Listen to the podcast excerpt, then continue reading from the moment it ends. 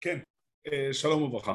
אנחנו אה, יום שישי היום, אה, ואנחנו אוחזים בפיוט שנקרא, הפיוט שפותח במילים כן מסתתר, אנחנו אוחזים בבית החמישי, שעסוק בספירת הגבורה, וננסה גם בין השאר להבין מה כתוב בפיוט, אבל בעיקר אנחנו רוצים להתבונן בסוגיה הזו שנקראת גבורה, מה המשמעות שלה ומה היא באה להגיד.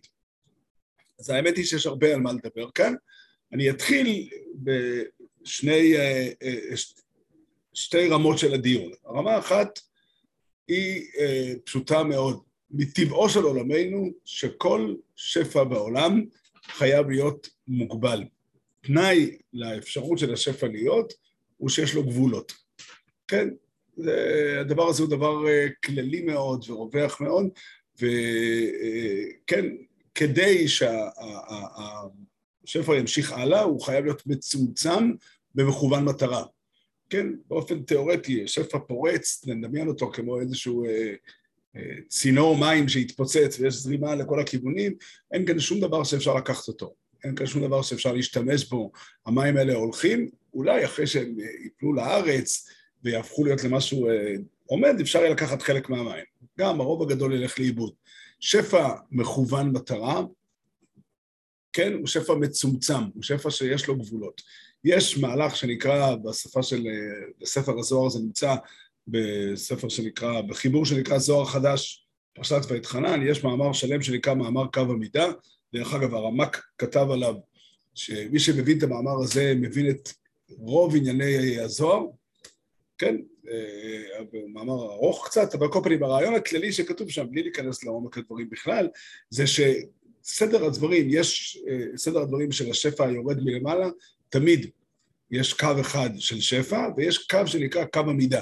הקו המידה הוא קו שעושה גבולות לכל דבר ודבר, שם בכל מקום את הגבול כמה צריך להיות, והרעיון הגדול של הגבול הוא להתאים את השפע למקבלים.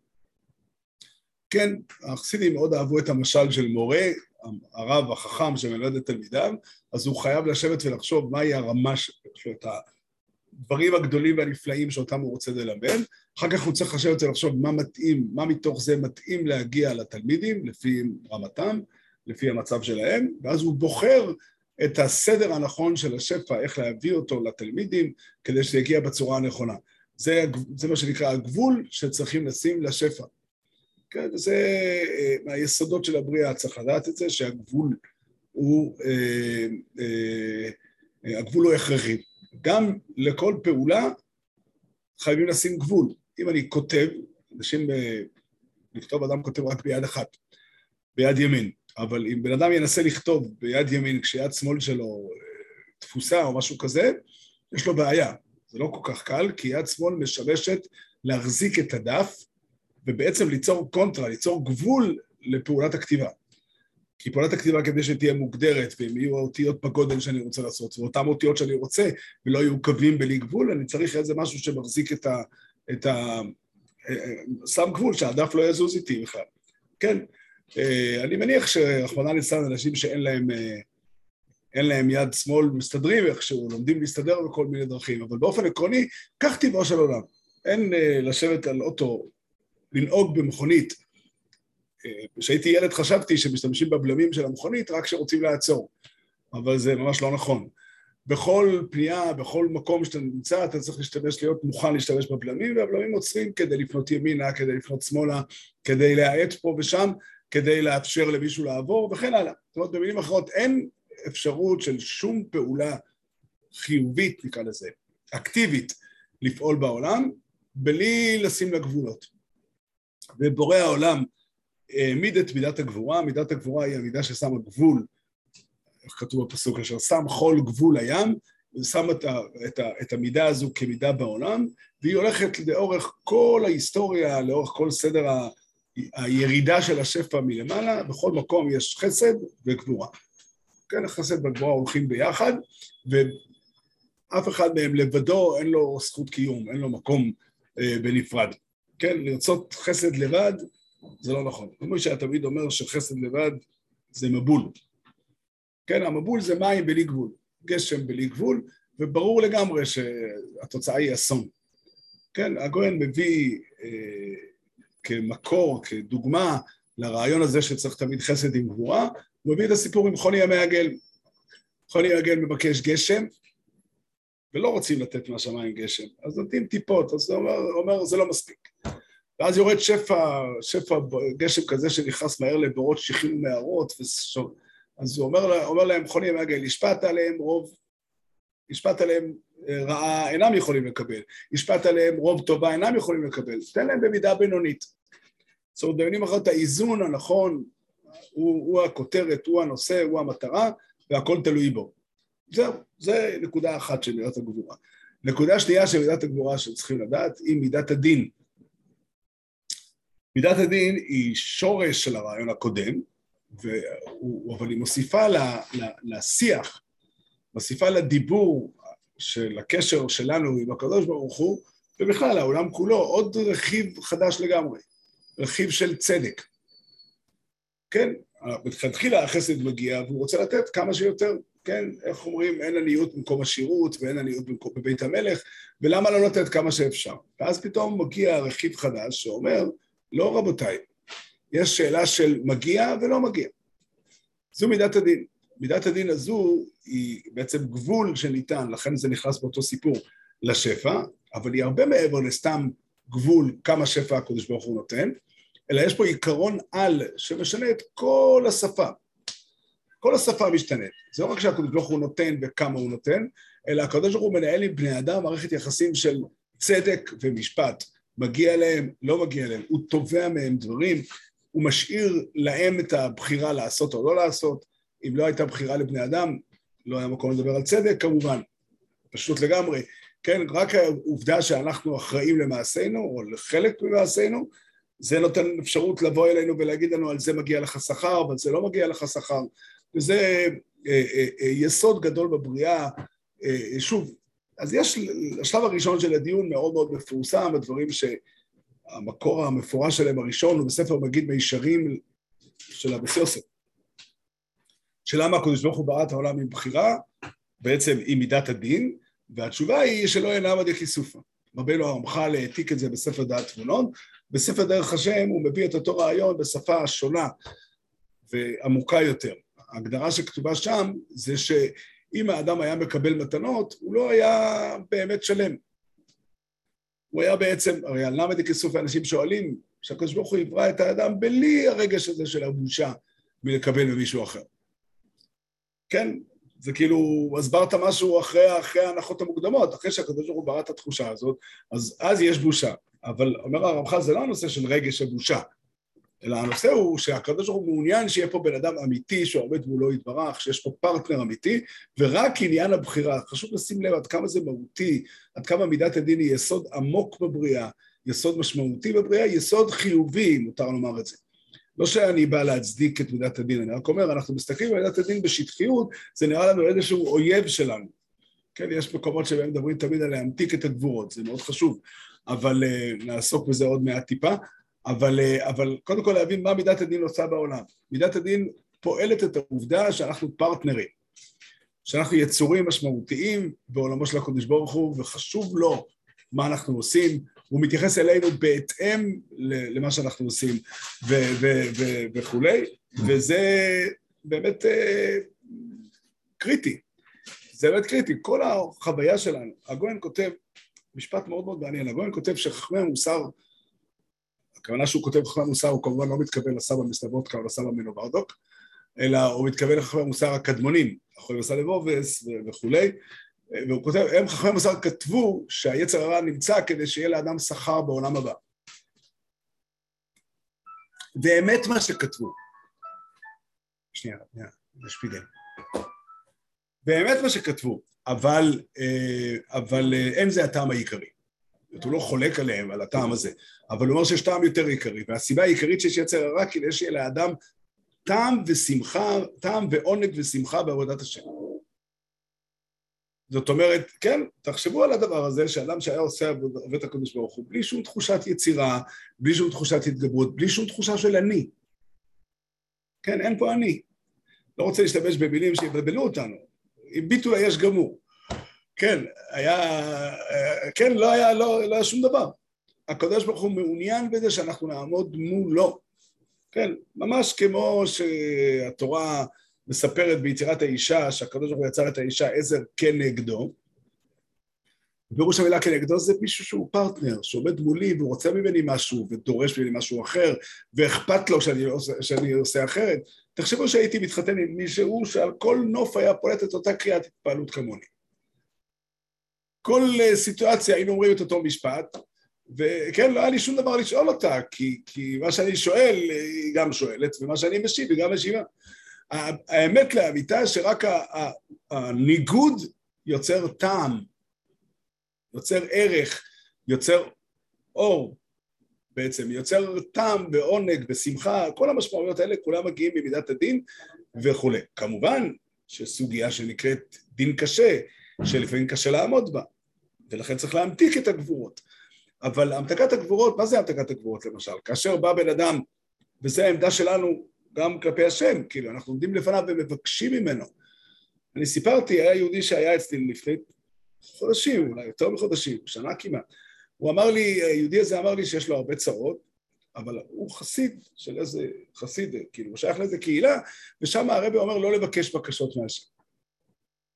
כי השם כבר יודע לבד מה שאתה צריך, ורק תגיד תודה. עכשיו, אני מסכים עם זה שיש מה להגיד תודה בכל מצב, אבל הרעיון הזה שלא לבקש, חוץ מזה שהוא מנוגד להלכה פשוטה, שיש מצססת דאורייסה שנתפעל בעת צרה. כן, אבל אני לא בא אליו בגלל הטענה ההלכתית, זה לא נכון מבחינת הצורה. הקדוש ברוך הוא לא רוצה שתקבל את מה שהוא עושה כמובן מאליו ותעמוד, אה, תבוא ותגיד, לא, ריבונו של אבא, תן לי. כן? גם זה מידת הגבורה. מידת הגבורה זה אומר, אני בא, אני מציב את עצמי כמישהו שרוצה משהו וכולי, ובעצם המידת, זה חשוב להבין את זה, שמידת הדין או מידת הגבורה, שזה מילים נרדפות פחות או יותר אצל המקובלים, זה היסוד הגדול של הקיום שלנו. אין כבוד בעולם שאין בו מידת הדין. כן, תנסה לדמיין לרגע שהיה לך חבר שהיה אומר לך, אני לא, לא מצפה ממך לשום דבר. שום דבר לא. אל, אף פעם אל תגיד תודה, ואף פעם אל תעזור לי, ואף פעם אל תבקש. ו... תמיד אני, אני אעשה את הכל בשבילך וכו' וכו'. אני הייתי בועט בכזה חבר אחרי ארבע, חמש דקות. אבל אולי יש אנשים עם קצת סבלנות יותר, והיו קודם כל רוצים ליהנות קצת מה, מהרווחה. אבל, אבל זה לא, זה לא לעניין. זה לא לעניין, זה משפיל. זה הנקודה, זה משפיל. הכבוד שלי הוא שמצפים ממני למשהו. וזוהי מידת הדין, והיא היסוד של הבריאה, כן? ובעל המחבר של הפיוט הזה, מדבר על ספירת הגבורה בהיבט מסוים, או בכמה היבטים מסוימים, אנחנו נקרא את מה שהוא אומר ונראה, אבל קודם כל הרחבנו באופן כללי על הדברים. מרום נעדר בכוח וגבורה. יש פה אה, ארבע ביטויים, ארבע מילים ששלושתם שייכים למידת הגבורה, ושלושתם מבטאים את ה... אה, אה, איך הייתי אומר? את העוצמה, כן, המילה אדיר, כן, נעדר בקודש, זה מכאן לקוח הביטוי. נעדר זה, זה, כן, אדיר זה דבר עוצמתי, גדול, חזק, שהוא מעבר לתפיסה שלי. מרום זה גם משהו גבוה, הוא מעל, ה, מעל היכולת שלי לתפוס, והוא נעדר בכוח וגבורה, כן, הקדוש ברוך הוא פועל בעולם בכוח וגבורה, הכוח והגבורה זה, זה היכולת, זה העוצמה שהשם פועל בה והוא מתעקש וחפץ במה שהוא רוצה ומוביל את המגמות שלו בכוח וגבורה וכל מי שנאבק, מעמיד את עצמו, ערך בלעם בפרשת שבוע, מי שמעמיד את עצמו מול המגמה האלוקית אז הקדוש ברוך הוא יכופף אותו, כן, מרום נעדר בכוח וגבורה, מוציא אורה מעין תמורה. כן, הקדוש ברוך הוא על ידי מידת הגבורה, כמו שאמרנו קודם, נולדת, נולד אור. נולד אור, העונג בעולם, השמחה בעולם, זה דבר מאוד מאוד מעניין. יש אה, אה, אה, בכמה מקומות בזוהר זה כתוב, ומופיעים שם שבעה היכלות שהם כנגד שבעת הספירות. ההיכל שכנגד ספירת הגבירה, הגבורה הוא היכל האהבה. היכל הרצון הוא ספירת החסד, שזה הרצון, לת... הרצון, הרצון לתת וכן הלאה, אבל היכל האהבה, אהבה זה מערכת הדדית. כן, אימא שדואגת לתינוק שלה זה לא בדיוק אהבה. אין עדיין ביניהם אהבה. אהבה נוצרת כשיש איזושהי דינמיקה הדדית. האור הזה, העונג, הטעם הנפלא של אהבה, שעליה שרו כל המשוררים בכל הדורות, כל, כן, כולל uh, שלמה המלך בשיר השירים קודש קודשים, שהוא שר על האהבה, האהבה הזאת היא אהבה בתענוגים והיא אהבה של uh, מערכת יחסים. היא אהבה שיש בה הדדיות, שיש בה ציפייה שכל צד מצפה מהצד השני להגשים את הציפיות שלו באיזשהו מקום. ויש מתח כזה של מרחק וקירוב וכולי, זה האור הגדול, מעין תמורה, אין תחליף לאהבה הזו, כי רק הדין, זאת אומרת, בעצם מידת הדין עושה את הקשר ביני לבין מישהו אחר לקשר מהותי. כן, לא שיש פה במקרה אתה, כל מישהו אחר יכול להיות פה. לא, איתך יש לי מערכת יחסים, אני מצפה ממך למשהו, אני מצפה ממך, אני רוצה את היחס שלך. כן, אם אני לא מצפה ממך, אז כן, כן, החוויה העמוקה של האדם שנמצא בתוך קשר, כל החיים שלנו מלאים קשרים כאלה, יש קשרים סוערים וחזקים שאפשר לכתוב עליהם שירים, אבל יש קשרים שהם פחות סוערים ועדיין הם ממלאים את האדם בטעם, ממלאים את האדם ביופי, ממלאים את האדם בתחושת ערך. זה נקרא מוציא אורה מעין תמורה, וזה שייך למידת הגבורה. זה שייך למידת הדין בעולם, מידת הדין בעולם, שימו לב, כן, היחד היחסים הפשוטה שלי עם חבר שלי, אפילו חבר לא מאוד גדול, תלויה בזה שאנחנו מצפים אחד לשני וחשים את עצמנו מחויבים. כן, אם הייתי מרגיש שהחבר שלי רק בא כשבא לו, כן, אבל אין לו, זה שאני רוצה משהו, לא מחייב אותו כלום. או לחילופין, אם הייתי מרגיש שאני לא מחויב לשום דבר לא.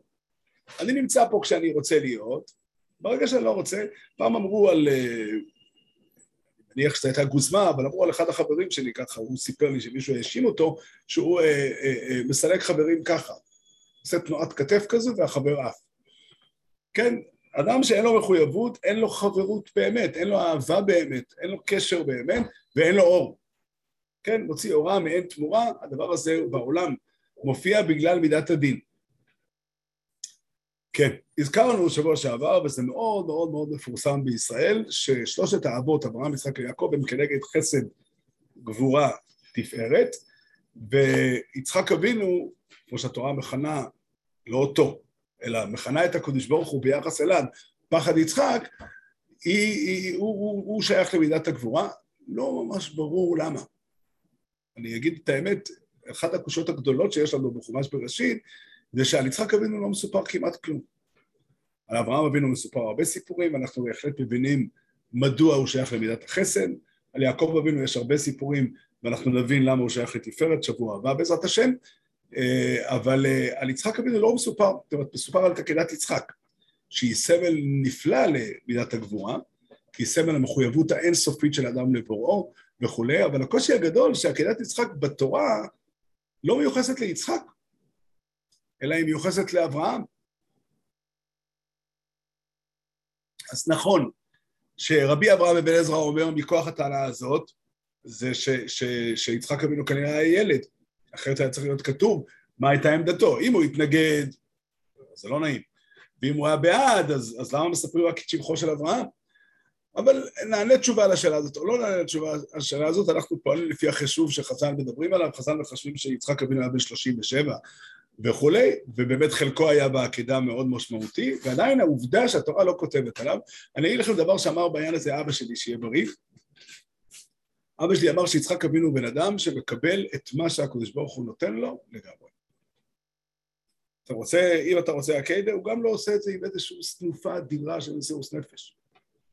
אברהם אבינו הוא אדם ששקוע באהבת השם וכולי. יצחק אבינו זה, אה, זה מה שהקדוש ברוך הוא רוצה, זה בסדר. עכשיו, אני רוצה לומר לכם, מידת הגבורה של יצחק, כמו שאבא שלי מתאר אותה, היא לא אנושית. היא לא אנושית. כאילו, היא, היא נועדה להיות תיאור מוקצן של מידה מסוימת כדי שנלמד ממנה, אבל אנחנו אף פעם לא אמורים להיות בצורה הזאת, אנחנו אמורים תמיד לשתף גם את מידת החסד. אבל הרעיון הוא שבאמת מקומו של אדם באיזשהו מקום לדעת, אמנם נכון שאני פונה להשם ומבקש ממנו וזה נכון, זה צד אחד של הסיפור. צד שני של הסיפור זה שאני יודע ומודע לעובדה שהקדוש ברוך הוא קובע את הגבולות, ויש גבול למה שאני יכול. יש גבול למה שאני יכול, יש גבול למה שאני יכול להשפיע, ויש מצב שבו בן אדם אומר, כן, אה, אם זה, השם, השם, זה מה שהשם רוצה. נכון שאברהם אבינו לימד אותנו ל, ל, לא לקבל בצורה מוחלטת את מה שהשם רוצה, אלא להתפלל ולבקש. אברהם אבינו מתווכח על סדום, אבל גם שם יש מקום שבו הוא נעצר, וכולי. הגמרא אומרת משפט חריף מאוד, הגמרא בבקמה אומרת שהבבלים בזמנם היו מנחמים אבלים ואומרים לאדם האבל שנפטר לו קרוב משפחה, נו, מה אפשר לעשות? משמע שאם היית רוצה לעשות, היית עושה? אם היית יכול, היית עושה? שוב, עד שהבן אדם נפטר, הייתי עושה כל מה שאני יכול, והייתי צריך לעשות. אבל מהרגע שאני יודע שאי אפשר, בהכרח זו החלטה אלוקית סופית, ואת זה אני צריך לקבל גם כי מה שהקדוש ברוך הוא עושה זה לטובה, אבל גם כי הוא בעל הבית. הוא בעל הבית. וזה, זה, שוב, אצל יצחק זה הופיע בשלמות עליונה שהיא לא, היא לא, היא לא ניתנת, ל, ל, ל, היא, לא, היא לא נועדה בשביל בני אדם אחרים, אבל זוהי מידתו של יצחק, ולכן יצחק מכונה, לכן היחס של הקדוש ברוך הוא ליצחק מכונה פחד יצחק, וכיוון שמדובר על מידת הדין, לכן צריך להוסיף פה משפטנו העירה. עכשיו צריכים לשים לב שבלי ספק הפייטן כאן אה, אה, נזכר בגמרא במסכת שבס, גמרא מאוד ידועה, גמרא די ידועה ותמוהה. הגמרא אומרת שלעתיד לבוא, שהקדוש ברוך הוא ירצה לגאול את ישראל, קיצור הוא יבוא, ישאל את אברהם אבינו, מה עושים עם בניך שחטאו? אז הקדוש ברוך הוא, אה, אברהם אבינו יגיד לו, תהרוג אותו. כי הוא אבינו. אז הקדוש ברוך הוא אומר, אם ככה לא בסבת, אני לא אלך לזקנים ולא אלך לילדים, אני אלך לאמצעים. יצחוק אבינו הולך אליו, ויצחוק אומר לו, אני בניי ולא בניך? ואז יש שם חשבון שלם שיצחוק אבינו עושה. בוא נעשה ככה. כמה זמן יש להם בסך הכול? הם צריכים לאכול, הם צריכים לישון, אני לא זוכר את כל הגמרא בעל פה, אה, אה, צריכים לאכול, הם צריכים לישון, אה, כמה זמן נשאר? חצי עליי, פלגה עליי ופלגה עליי. מאוד לא ברור הדבר הזה, אבל מה שבולט בגמרא, שבסופו של דבר דווקא מידת הדין היא תעמוד לישראל לזכות. ובלי ספק הפייטן אה, זכר את המשפט הזה כשהוא כתב פחד יצחק משפטנו. אגב, אני חושב שעומק הדבר הוא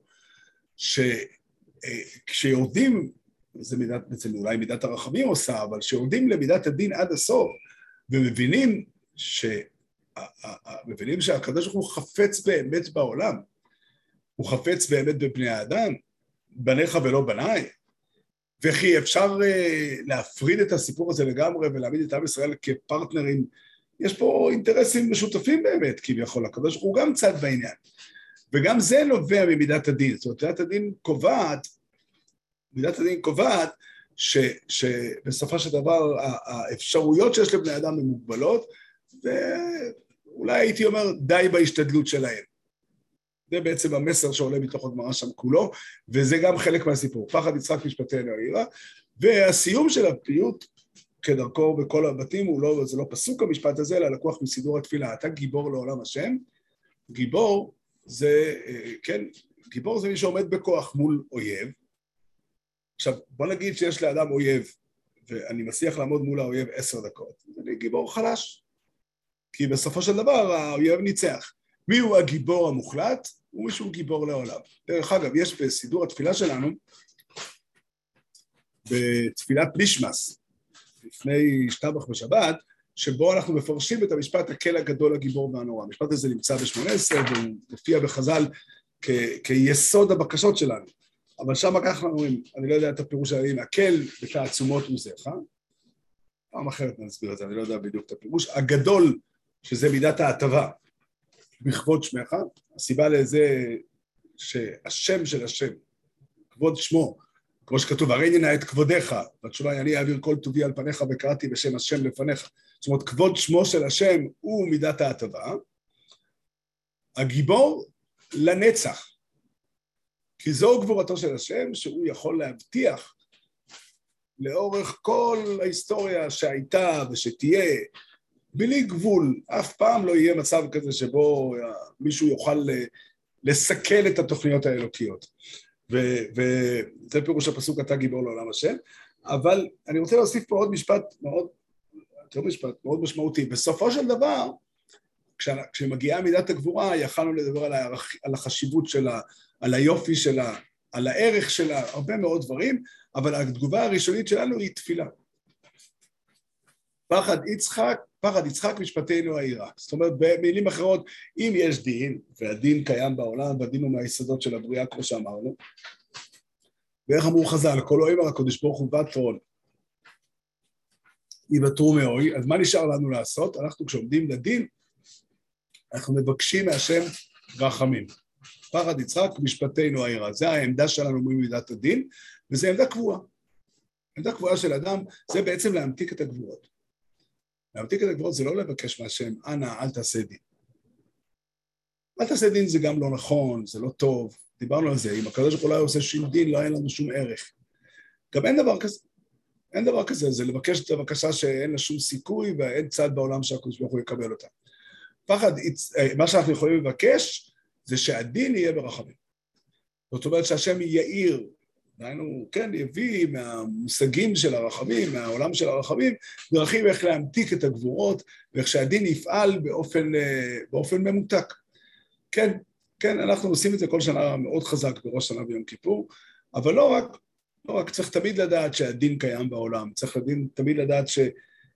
גם זה הזכירו חז"ל ביחס לפרשת שבוע, אבל זה לא קשור בדווקא. כן זועם בכל יום, אין לך יום בעולם שהקדוש ברוך הוא לא זועם בו לפחות רגע אחד.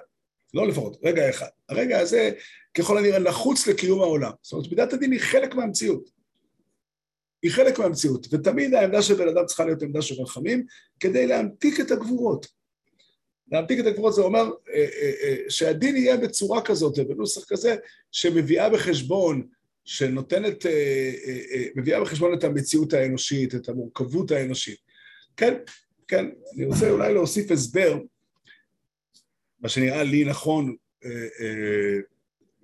כתוב בחז"ל מאוד מפורשם, מפורסם, כל אוהימר הקודש ברוך הוא ותרון יבוטרו מאוי. כן, ואנחנו יודעים שיש גם מידת הרחמים, ולא יודעים בדיוק איך זה עובד. אז הרמח"ל במסעד ישרים כותב על זה כך, מאוד מעניין. הוא מעריך, ואני לא אעריך את כל, לא אקרא את כל דבריו, אבל, אבל את עיקר הדברים כדאי לדעת אותם, ואני אוסיף את מה, ש, מה, ש, מה שהוא אומר בהמשך. בפרק A. לא, פרק ד', סליחה. אז הוא אומר ככה, שיש, אה, אה, הוא מתחיל ואומר שמידת הרחמים לא פוגעת במידת הדין. זו האמירה שלו. את זה בלשונו. ואם תאמר, אם כן, מידת הרחמים, למה היא עומדת? כיוון שהכל פעמים צריך לדקדק בדין על כל דבר. התשובה, ודאי מידת הרחמים היא קיומו של עולם. שלא היה עומד זולתו כלל. ואף על פי כן אין מידת הדין לא כאן. ואת זה הוא מסביר בשלושה דברים, שלושה בחינות של מידת הרחמים, שבהם אפשר להבין איך מידת הדין מתקיימת למרות הרחמים. האחד, לפי שורת הדין ממש היה ראוי שהחוטא ייענש מיד תכף לחטאו בלי המתנה כלל. שתיים, וגם שהעונש עצמו יהיה בחרון אף, כראוי למי שממרה פי הבורא, וגם, דבר שלישי, שלא תיקון לחטא כלל. והנה החסד האלוקי, הרחמים האלוקיים עושים את שלושת הדברים האלה. אחד, שיש בידת ערך אפיים, אולי האדם יתקן מחר, אולי יחזור בתשובה. שתיים, שאם הוא חוזר בתשובה, אז מתקן, באמת. שוב, החרטה משנה את ה... מבטלת את הרצון הרע, וכן הלאה, הוא מסביר. ועוד דבר נוסף, שהעונש הולך לאט לאט. עד עכשיו הבנתי באמת שבסופו של דבר, כל חטא שאני לא אחזור עליו בתשובה, אני אקבל את העונש המלא. ואז בסוף הוא מוסיף, וכן, משפט אחד, וכן כל שאר דרכי חסד. כעניין, יש עוד דוגמאות, הסברתי בשלושה, אבל אותו דבר בכל הדוגמאות, כמו העניין שנקרא ברו מזכה אבו. שימו לב, יש עליך עניין שאומר שאם אני עושה מצוות, אבא שלי שיהיה בריא, מרוויח מזה. כן, אנחנו אומנם רגילים לדבר על זה על לעילוי נשפס, אבל גם אבות החיים מרוויחים אפשר לעשות לי יהודי משפט גם בחיים. כן, אפשר גם לעשות לי יהודי משפט עצמי, אבל אה, זה כבר נגד המנהג. אבל, אה, אבל פנים, אז זה אחד. פה הצדק גם נשמר. אדם יבוא לבית של מעלה, יגיד לו, תשמע, אומנם לפי החשבון שלך עשית כך מצוות וכך עבירות, אבל רובץ עליך המצוות שהבן שלך עשה, גם הם שלך. נו, נו, אני עוד יכול להבין. ויש עוד דבר, דבר הוא מביא, או מקצת נפש ככל הנפש המוזכרים בדברי חכמים. מה זה שם כתוב? שלפעמים נגזר על אדם מיתה, ובעונש הוא מקבל נקיפה, נקיפה זה נקרא שהאצבע שלו נתקעת בקיר, ויורד אפילו דם. וכיוון שאדם הוא הנפש, מקצת הנפש ככל הנפש. יפה? אומר הרמח"ל, גם הם דרכי חסד לקבל את המועט כמרובה, אך לא מתנגדים ומכחישים ממש מידת הדין, כי כבר יש בהם טעם הגון להחשיב אותם. זה, זה כבר, עדיין נשאר העיקרון שהדין אה, עומד כמו שצריך. הרמח"ל עצמו כותב במאמר הכיבוי, משפט מדהים הוא כותב, שאדם שהתרגל בעולם הזה לקוות להשם, כן? אז הוא ימשיך לקוות גם אחרי מותו, כי הוא קנה את מידת התקווה, והוא יקווה גם בגיהינום אם ייגזר עליו גיהינום, ומידת התקווה מסלקת את הגיהינום ברגע אחד. אני חושב שהפירוש הוא ככה. אני אגיד עוד משפט אחד שהרמח"ל אומר פה, אך שיוותרו עבירות בלא כלום או שלא יושגח עליהם, זה היה נגד הדין לגמרי. העיקרון הוא כזה, ברור לחלוטין שכשהקדוש ברוך הוא דן בן אדם, הוא דן אותו גם ברחמים, ואולי ברחמים גדולים. והרחמים יכולים לעשות הרבה דברים. גם להחשיב uh, טיפת דם כמו מקצת הנפש ככל הנפש, גם להחשיב uh, uh, מצב לדון אדם כשויג, כאוילס לפי דרגתו, כן, הגמרא ביומי המפורסמת, שאני רגיל תמיד להזכיר אותה על יצר האור, מחטיאוי ועל כורחוי וכולי, כל מיני שיקולים, אבל המחשבה השטחית של בן אדם שיכול להיות מצב שבו זה לא נקרא, כאילו אנחנו מסתכלים על בני אדם בצורה שלנו, אנחנו לא דנים כל פרט. כן, אומרים, תראה, הבן אדם לומד? כן, לומד, סדר א', ב', ג', כן. אה, זהו, מאחר, בסדר, יוצא בבית הסדר ב' לאמצע ל... לא, לא הסתכלתי על זה. אין דבר כזה בשמיים. מידת הדין מחייבת שכל דבר יהיה נידון. איך הוא יהיה נידון? ייתכן מאוד שהוא יהיה נידון ברחמים. אני חושב שרוב בני אדם נידונים ברחמים, בלי ספק. כן, עושה צדקות עם כל בשר ורוח, לא קראתם תגמול. אבל אין דבר כזה שמידת הדין תגיד, או מידת הדין תאפשר, בואו לא נתייחס לחלק מהדברים. לכל דבר תהיה התייחסות, והנפקא מיני עצומה, אני אספר לכם סיפור שהיה, היה פה בארץ לפני, לא יודע כמה שנים זה היה, הייתי נער, היה סיפור עם המחתרת היהודית. קבוצה של אנשים מהציונות הדתית זה היה בעיקר, מה, מה, מההתנחלויות, שהחליטו לעשות פיגועים נגד אה, גורמים ערביים. הם החביאו פצצות במכוניות של ראשי ערים, היה איזה ראש עיר אחד לפחות שהרגליים שלו התפוצצו וכולי. אני לא יודע אם הראשי עיר היו צדיקים גמורים, אולי היה להם כמה עבירות קטנות, אבל uh, על כל פנים, מעניין מאוד היה שבעולם, במדינת ישראל של אז היה ברור לגמרי שהם יקבלו חנינה בצורה המחתרת.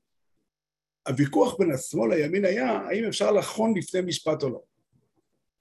ושמעתי אז דרשה מאיזה משפטן אחד שטען והבנתי את דבריו, מאוד הצדקתי אותם, שלא ייתכן חנינה לפני משפט. והסיבה לזה היא מאוד פשוטה, כי המשפט נחוץ כדי להגדיר את המעשה כפשע. איזה עונש נותנים, מידת הרחמים יכולה להשפיע. מידת הדין מגדירה, ולכן זה מאוד משמעותי המשפט כל היום הקדוש ברוך הוא באת רוני ואות רומי. תדע לך, יש הגדרות אמיתיות ומוחלטות מה מותר ומה אסור. ומידת הדין טובה שידונו כל בן אדם ויכריעו על כל מעשה אם הוא טוב או רע. כן? עכשיו, זה שאחר כך אפשר ללמד סיבות מקילות על האדם על העונש, בסדר. אבל עצם הדין יתקיים, ככה נראה לי שזה הפירוש של דברי הרמח"ל בנושא הסישורים, וזה גם uh, תמונה על החיבור במידס הדין למידס רחמים שנעסוק בהמשך גם, אבל שנייה אחת, אני רואה שיש פה שאלה למישהו. מה המשמעות? קודם כל המשמעות של ההכרזה, אדם צריך... אני רוצה עוד דבר אחת המשמעויות הגדולות של הדין, אני אספר לכם סיפור משעשע. פעם אחת בליל הסדר היה אצלי בבית, התארח אצלי יהודי חילוני, אבא של תלמיד שלנו. הוא היה מאוד, אה, אה, איך הייתי אומר, מסויג מהסדר. שהסיד מנה גדולה ארבע כוסות הוא אמר שהוא לא צמא, כשהתאדר לו מצא לאכול הוא אמר שהוא לא רעב. איפה הוא התערב? כשהגענו לשפוך חמתך על הגויים אשר לא ידעו לך, כאן הוא קם ואמר, מה זה? למה באלימות? אחרי כל הלילה, זה, זה, פה הוא התעורר. אז אמרתי לו, אני אגיד לך מה, איך אני רואה את הדברים. יש היסטוריה שלמה שיש מאבק בין היהודים לבין הגורמים האחרים, נקרא לזה כך. היהודים מסרו את נפשם, נאבקו כדי לקיים מצוות, כדי, כן, כידוע לכולנו. הצדק חייב להתגאות. לא אכפת לי שיבואו כל הגויים ויבינו מאיזושהי דרך בעצמם את האמת. אבל הצדק חייב להתגלות, לא ייתכן בעולם שבסוף הסיפור, כן, אלה אומרים שככה, אלה אומרים שככה.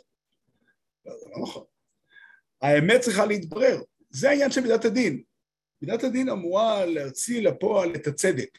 עכשיו, גם מידת הרחמים לא תקהה את תחושת הצדק. יהיה ברור שפלוני עשה מעשה לא נכון, ודנו אותו ברחמים.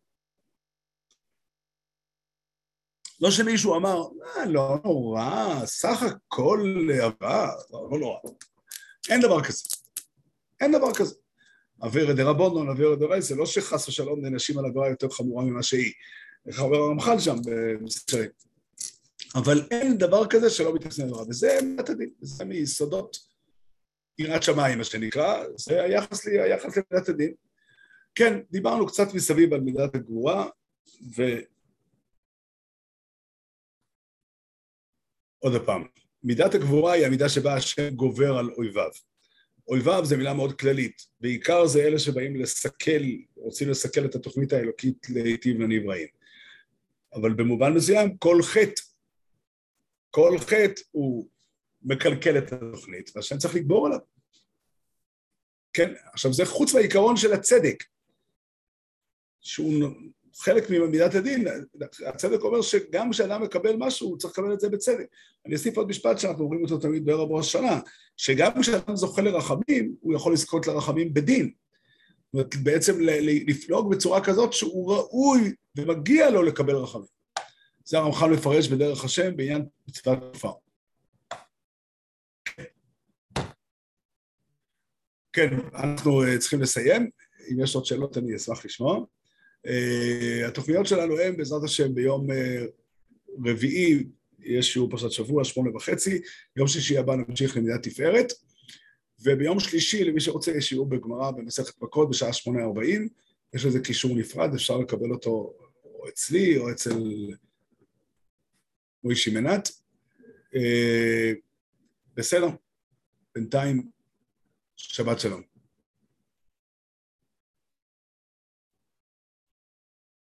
אני רואה שאין שאלות או שהיה מספיק? בסדר. גוד גודשבס. הרבה זמן לא נפגשנו יהושע. בסדר.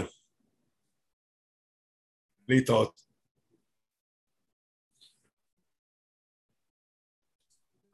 שבת שלום.